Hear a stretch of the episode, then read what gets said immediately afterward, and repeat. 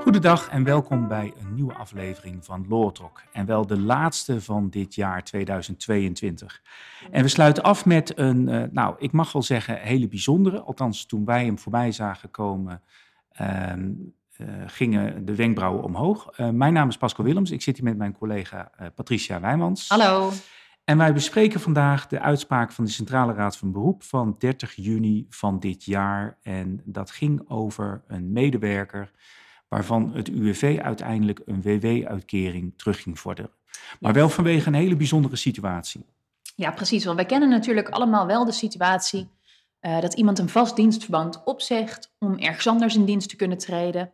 Ja, en als dat dan maar een dienstverband is van bijvoorbeeld drie of vier maanden, dan loop je daar een WW-risico. Dat is eigenlijk bij alle arbeidsrechtadvocaten en juristen wel gesneden koek. Je loopt een risico als dat nieuwe tijdelijke dienstverband dan van rechtswege eindigt. Ja. En omdat je, een vast, vast dienstverband opzegt. Precies, uh, precies. Voor een heel kort dienstverband en je daarmee uh, het, het, risico, risico op ja, werkloosheid. Het risico loopt op, op, om werkloos te worden na korte precies. tijd. Ja. ja. dat is wel even duidelijk, ja. belangrijk om duidelijk en, te maken. En dat risico loop je niet als je een arbeidsovereenkomst accepteert voor in ieder geval de duur van een half jaar. Precies, dus dat is ook een van de redenen waarom medewerkers er uh, goed aan doen als je een uh, ba van baan wisselt. En tegenwoordig gaat dat toch vaak van onbepaalde tijd naar een nieuwe baan, is bepaalde tijd dat je Ja. tenminste een half jaar contract hebt. Precies. Dat heeft natuurlijk ook meteen nog weer arbeidsrechtelijke gevolgen. Hè, een korte dienstverband, Ja. geen uh, proeftijd en zo. Maar Ja. goed, daar gaan we vandaag niet op in, maar Nee, dat is wel belangrijk om te realiseren. Precies. Dus die, die situatie is wel eh, helder voor de meeste mensen. Maar wat gebeurde er hier? En dat zie je ook vaak in de praktijk. Medewerker die zegt zijn dienstverband op, eh, gaat in dienst bij een nieuwe werkgever. Ehm, dat blijkt een, concurrent in ieder geval, een gelijksoortig bedrijf te zijn. En de oude werkgever zegt, hey, jij bent gebonden aan een concurrentiebeding. Ehm, die nieuwe werkgever, die schrikt daarvan, die wist dat blijkbaar niet. En die beëindigt de arbeidsovereenkomst tijdens de proeftijd, waardoor die werknemer binnen een maand of twee maanden aanspraak moet gaan maken op een WW-uitkering. Ja, in, in deze situatie ging het dus om een medewerker die in eind 2017 had opgezegd. Ging 1 januari 2018 bij dat andere bedrijf in dienst. Ja. En die oude werkgever komt erachter, stuurt er een briefje. En zoals wij vaak ook doen, sturen meteen ook een briefje naar de nieuwe werkgever. hey, let op. Ja. Want je hebt een medewerker in dienst genomen die aan een concurrentiebeding is uh, gebonden. Ja. Daar kunnen we zo nog even wat over zeggen waar dat, dat briefje voor dient. Maar die nieuwe werkgever schrok daarvan, was daar dus kennelijk niet van op de hoogte. Nee, daar lijkt het op inderdaad. En die, die, En die zegt op tijdens In- de proeftijd. Tijdens de proeftijd op 16 januari, hè, dus al Ja, eh, na, een dus na dikke twee weken dikke twee weken. Ja, Dus die werknemer moet onverwachts toch aanspraak maken op een BW-uitkering. Eh, en dan zegt het UWV, ja maar medewerker, eh, jij bent eh, verwijtbaar werkloos, want jij wist dat je gebonden was aan een concurrentiebeding. En desondanks accepteer je een arbeidsovereenkomst bij een concurrent. precies. Want eh, je neemt het risico van eh, het proeftijdontslag, Ja. hè, want het stond eh, in, de, in de arbeidsovereenkomst. Ja. En je ruilt een vast dienstverband waarbij je dat risico niet meer liep, om voor een nieuw dienstverband met dat risico. Ja, En dan zie je een beetje dat de Centrale Raad van Beroep, want uiteindelijk komt deze zaak bij de Centrale Raad uit, eh, een beetje aangrijpt bij die 26 weken eh, jurisprudentie die daarover is. ja. Ja, en wat ik nog wel opvallend vond van deze uitspraak, is dat deze werknemer nog zei van ja, maar weet je, ik, eh, ik, ik heb gezien in dit bedrijf, nooit, ik heb nog nooit gezien dat iemand is gehouden aan een, aan een concurrentiebeding. Eh, En zo noemde hij nog een paar factoren op die in de civielrechtelijke uitspraak over eh, concurrentiebedingen echt nog wel relevant zijn bij de vraag, houdt zo'n beding stand of niet?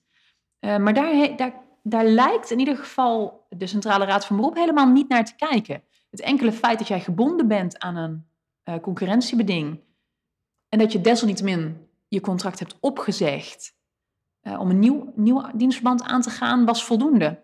Ja, dus de Centrale Raad die verwijst naar oude jurisprudentie uit 2009. En die zeggen dat als werkloosheid uit een nieuws- nieuwsbetrekking niet verwijtbaar is. Nou, dat zou je, hier blijkt niet per se verwijtbaarheid. Hè? Nee, Geen onderzoek naar de redenen van de baanwisseling hoeven te worden gedaan, indien ten tijde van die baanwisseling een reëel vooruitzicht bestond op een dienstverband van tenminste 26 weken in ongeveer dezelfde arbeid. ja, Ehm, was hier dus een arbeidsovereenkomst waarschijnlijk van 7, 8, 9 maanden gesloten, dan was er niks aan de hand geweest. Zonder proeftijdbeding. Ja, Ja. ehm, maar eh, hier kijken ze dus wel degelijk ernaar. En hier zeggen ze, ja, in dit geval trekken we dat eigenlijk gelijk. Hè? Is er sprake van een reëel vooruitzicht? Ja, En, ehm, en dan moeten we kijken naar de situatie. En jij kon weten, vergelijkbaar met een tijdelijk contract ja, van 26 weken of korter, dat dit zou kunnen eindigen. ja, Het bijzondere is natuurlijk wel dat tussen de oude werkgever van deze medewerker het concurrentiebeding niet is aangevochten. nee. nee Eh, nou ja, dat weten wij in ieder geval niet. Staat, daar vermeldt de uitspraak niks, eh, niks over. Maar, Nee. Nou ja, maar de- deze situatie eh, volgt uit, wat is 2018, we zitten nu 2022. Dus Ja. als daar een, een kantonuitspraak over zou zijn geweest, dan, dan, Dan was had dat, waarschijnlijk was dat waarschijnlijk wel gebruikt Ja. inderdaad in deze procedure. Maar Wat had, wat had de werknemer hierin anders kunnen doen? Nou ja, kijk, wat, wat wij natuurlijk vaak, ehm, werknemers die bij ons komen en die zeggen, joh, ik wil graag de overstap maken naar een andere werkgever, maar mogelijk valt die onder het concurrentiebeding. Dus natuurlijk eerst het goed in dat concurrentiebeding kijken van, joh, hoe is dit opgeschreven, valt dit eronder of niet? Maar als je echt twijfels hebt of het eronder valt, ja, dan adviseren wij doorgaans, ga in gesprek met je werkgever over dat concurrentiebeding. Uh, want in 9 van de 10 gevallen zit een werkgever ook niet te wachten op een werknemer die eigenlijk het liefst weg zou willen. Um, en gaat het de werkgever er wel om, ja, ik wil jou best laten gaan, maar dan moet mijn bedrijfsgebied wel voldoende beschermd worden. Dus heel vaak kun je in overleg afspraken maken over ofwel omzetting van je concurrentiebeding in een relatiebeding of een, nou ja, een wijziging van je relatiebeding, zodat je belangen beter beschermd zijn. Aanscherping van het geheimhoudingsbeding. Ja. Uh, afspraken maken over, joh, bij deze werkgever zou het wel mogen, maar dit is echt een concurrent, deze dan weer niet. Dus ja, als je daar van tevoren afspraken over maakt, voordat je opzegt, dan loop je dat risico ook niet. En dat is vaak spannend, hè? want mensen die willen dat gesprek niet aangaan Nee. als ze nog in dienst zijn. Nee. Maar als je wacht totdat je hebt opgezegd en je nieuwe banen hebt geaccepteerd, ja, dan, dan loop je natuurlijk risico's. En ja. wij horen vaak natuurlijk, en dat, zo gaat het op verjaardagen vaak ook, oh, een concurrentiebeding, maak je niet druk, daar kan je toch niks mee. Um, maar zo, zo makkelijk is het uh, lang niet altijd. Nee. Uh, zeker niet als er inderdaad het bedrijfsgebied uh, aan, de, aan de orde is, hè, commerciële functies. Ja. Uh, speelt dat zeker wel een, een, rol. Natuurlijk zijn er ook genoeg functies waarbij het concurrentiebeding eigenlijk niet van waarde is en wel sneller van tafel gaat. Ja. Maar het is absoluut niet zo dat concurrentiebedingen maar uh, en masse van tafel worden geveegd. Nee, en in beginsel geldt natuurlijk gewoon nog steeds, hè, afspraak is afspraak. Dus als je in een arbeidsovereenkomst voor een bepaalde tijd een concurrentiebeding hebt afgesproken, dan is het uitgangspunt dan ook dat je er in principe aan gebonden bent. Um, ja, en, en mocht dat bij een rechter komen, dan zal een rechter natuurlijk een belangenafweging maken. Maar in Ja. beginsel is het gewoon een rechtsgeldige afspraak. En dus loop je als, als medewerker het risico dat het vaak staan de boetes eh, die je verbeurt. Ja. Dus als je een concurrentiebeding overtreedt, dat je dan boetes verbeurt. Maar ook dat als jouw nieuwe werkgever je ontslaat in de proeftijd, ehm, dat je dan ook nog eens een keer eh, geen WW krijgt. Ja. Of een WW moet terugbetalen. Dus er zit een dubbel risico in. Ja, precies. En dat zorgt precies. Aan de ene kant wel voor een spagaat. Aan de andere kant is het op zich wel, eh, ja, ik zou zeggen, eh, goed om je van tevoren te realiseren hoe groot is dan het risico dat dat concurrentiebeding daadwerkelijk overtreden gaat worden. En dan Ja. hangt het heel erg af van de, van de functie. Ja, En hoe moeilijk het ook is, misschien het gesprek erover aangaan, ja, ehm, is, is ook zeker een zinvol. ja, absoluut. En ik zei net ook al van, ehm, die nieuwe werkgever, die kreeg Ja. ook een briefje. Ja, dat wilde ik inderdaad ehm, net zeggen. Kijk, voor een nieuwe werkgever, je, je wilt natuurlijk ook niet het risico lopen dat je iemand in dienst neemt die gebonden blijkt aan een concurrentiebeding. Maar wat is, wat is je risico? Want je hebt geen contract met die oude werkgever. Die medewerker komt. En dan denk je van, nou, dat is wel een geschikte kracht. Want Ja. hij heeft bij mijn concurrent gewerkt. Dus um, ervan uitgaande dat hij daar niet vanwege dysfunctioneren is ontslagen... is dat er wel eentje die ik wil hebben. En zeker in deze markt. Ja. Wat is het risico? Nou ja, als jij weet of had kunnen weten dat iemand gebonden is aan een uh, concurrentiebeding, dan maak jij mogelijk misbruik van de wanprestatie van een ander. Uh, en dan kun je uit, uit die, nou ja, op die grond ook uh, schadeplichtig zijn. Ja, een onrechtmatige daad. Ja. ja. ja. Die lat ligt, uh, dat is, moeten we wel meteen bij zeggen, die lat ligt niet heel laag. Nee. Uh, dus dan moet wel uh, bijvoorbeeld uh, gestimuleerd zijn om over te stappen, actief gestimuleerd om klanten mee te nemen, stelselmatig klanten benaderen. Dus Ja. er moet wel het een en ander achter zitten. En deze casus vertelt niet of dat hier wel of niet is gebeurd. Nee. Um, maar soms kan het ook niet-juridische argumenten zijn die de doorslag geven. Als je eh, het indruk hebt dat uh, een conculega, dat er iemand werkt en dat het oké is dat je die overneemt, um, dan is het prima. Maar op het moment dat een conculega dan zegt, joh, weet je, dat wil ik niet, dan kan het de reden zijn om te zeggen, ja, als ik dat geweten had, dan uh, had ik jou niet in dienst genomen. Of ja. ik heb er naar gevraagd en je hebt gezegd dat dat niet is. Hè. Het ja. kan ook wat met de vertrouwensrelatie doen. Ja. En wat wij ook nog wel zien, is dat bedrijven zich ook realiseren dat als jij nu iemand overneemt van de concurrent met een concurrentiebeding, als je dat de andere kant weer op gebeurt, ja. jouw medewerker gaat weg naar die concurrent, heb je natuurlijk ook een veel lastiger verhaal. Ja. En wij hebben dat in de praktijk ook nou, inmiddels meerdere keren meegemaakt. Dat we eerst de ene kant moesten verdedigen. Ja. En vervolgens in de andere zaak precies de andere kant op. En zeker als het dezelfde partijen betreft, is dat wel lastig. En weet je gewoon 100% zeker dat je dat voor je, voor je kiezer gaat krijgen. Ja, ja. Dus ja, ja blijven lastige dingen. En we zien ook wel onderling dat, zeker als, als zeg maar de markt wat kleiner is en de spelers elkaar goed kennen, dat er ook wel eens uh, tussen bedrijven afspraken worden gemaakt over, joh, als een medewerker van jou bij mij solliciteert, wat spreken we daar dan over af? Soms vindt daar gewoon overleg plaats over, joh, welke voorwaarden, onder welke voorwaarden kan dat? Ja, en daar hoop je dan ook altijd dat dat goede gesprek gewoon plaatsvindt.